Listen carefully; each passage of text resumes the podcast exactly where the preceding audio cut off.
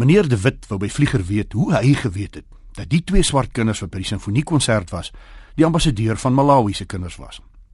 Vlieger het gesê dat hy tydens die konsert se pouse met twee meisies van die skool waar die swart kinders was gepraat het. Soms was dit makliker om te jok as om te verduidelik.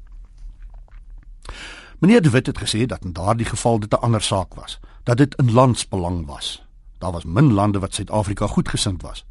As dit nie vir Israel, Chili en Taiwan was nie, het die Republiek van Suid-Afrika geen vriende gehad nie. In Afrika is daar net twee lande aan ons kant, Rhodesië en Malawi, het hy verder gepraat. President Banda is 'n goeie man en regeer sy land goed. Dis in landsbelang dat sy ambassadeur se kinders na 'n wit skool mag gaan.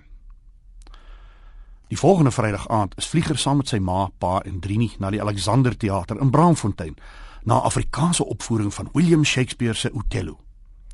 Vlieger se ma en pa het voor die tyd elkeen 'n sherry gedrink by die kroegtoonbank in die kelder. Toe het vlieger se pa vir sy ma 'n rooi boks natties gekoop. Terwyl hulle vir die vertoning gewag het om te begin, het Vlieger die program gelees. Die rol van Jago was vertolk deur Marius Weyers. Sandra Prinsloo was Desdemona, Othello se vrou, en Louis van die Kerk was Othello die Moor.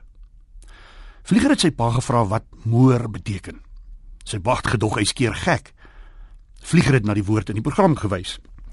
Sy pa het gesê dis 'n geleerde woord vir iemand uit Noord-Afrika. Die gordyne het oopgegaan. Sandra Prinsloo en Marius Weyers het gelyk soos wat hulle 'n jaar of twee vroeër gelyk het toe vlieger hulle in siener in die suburbs gesien het.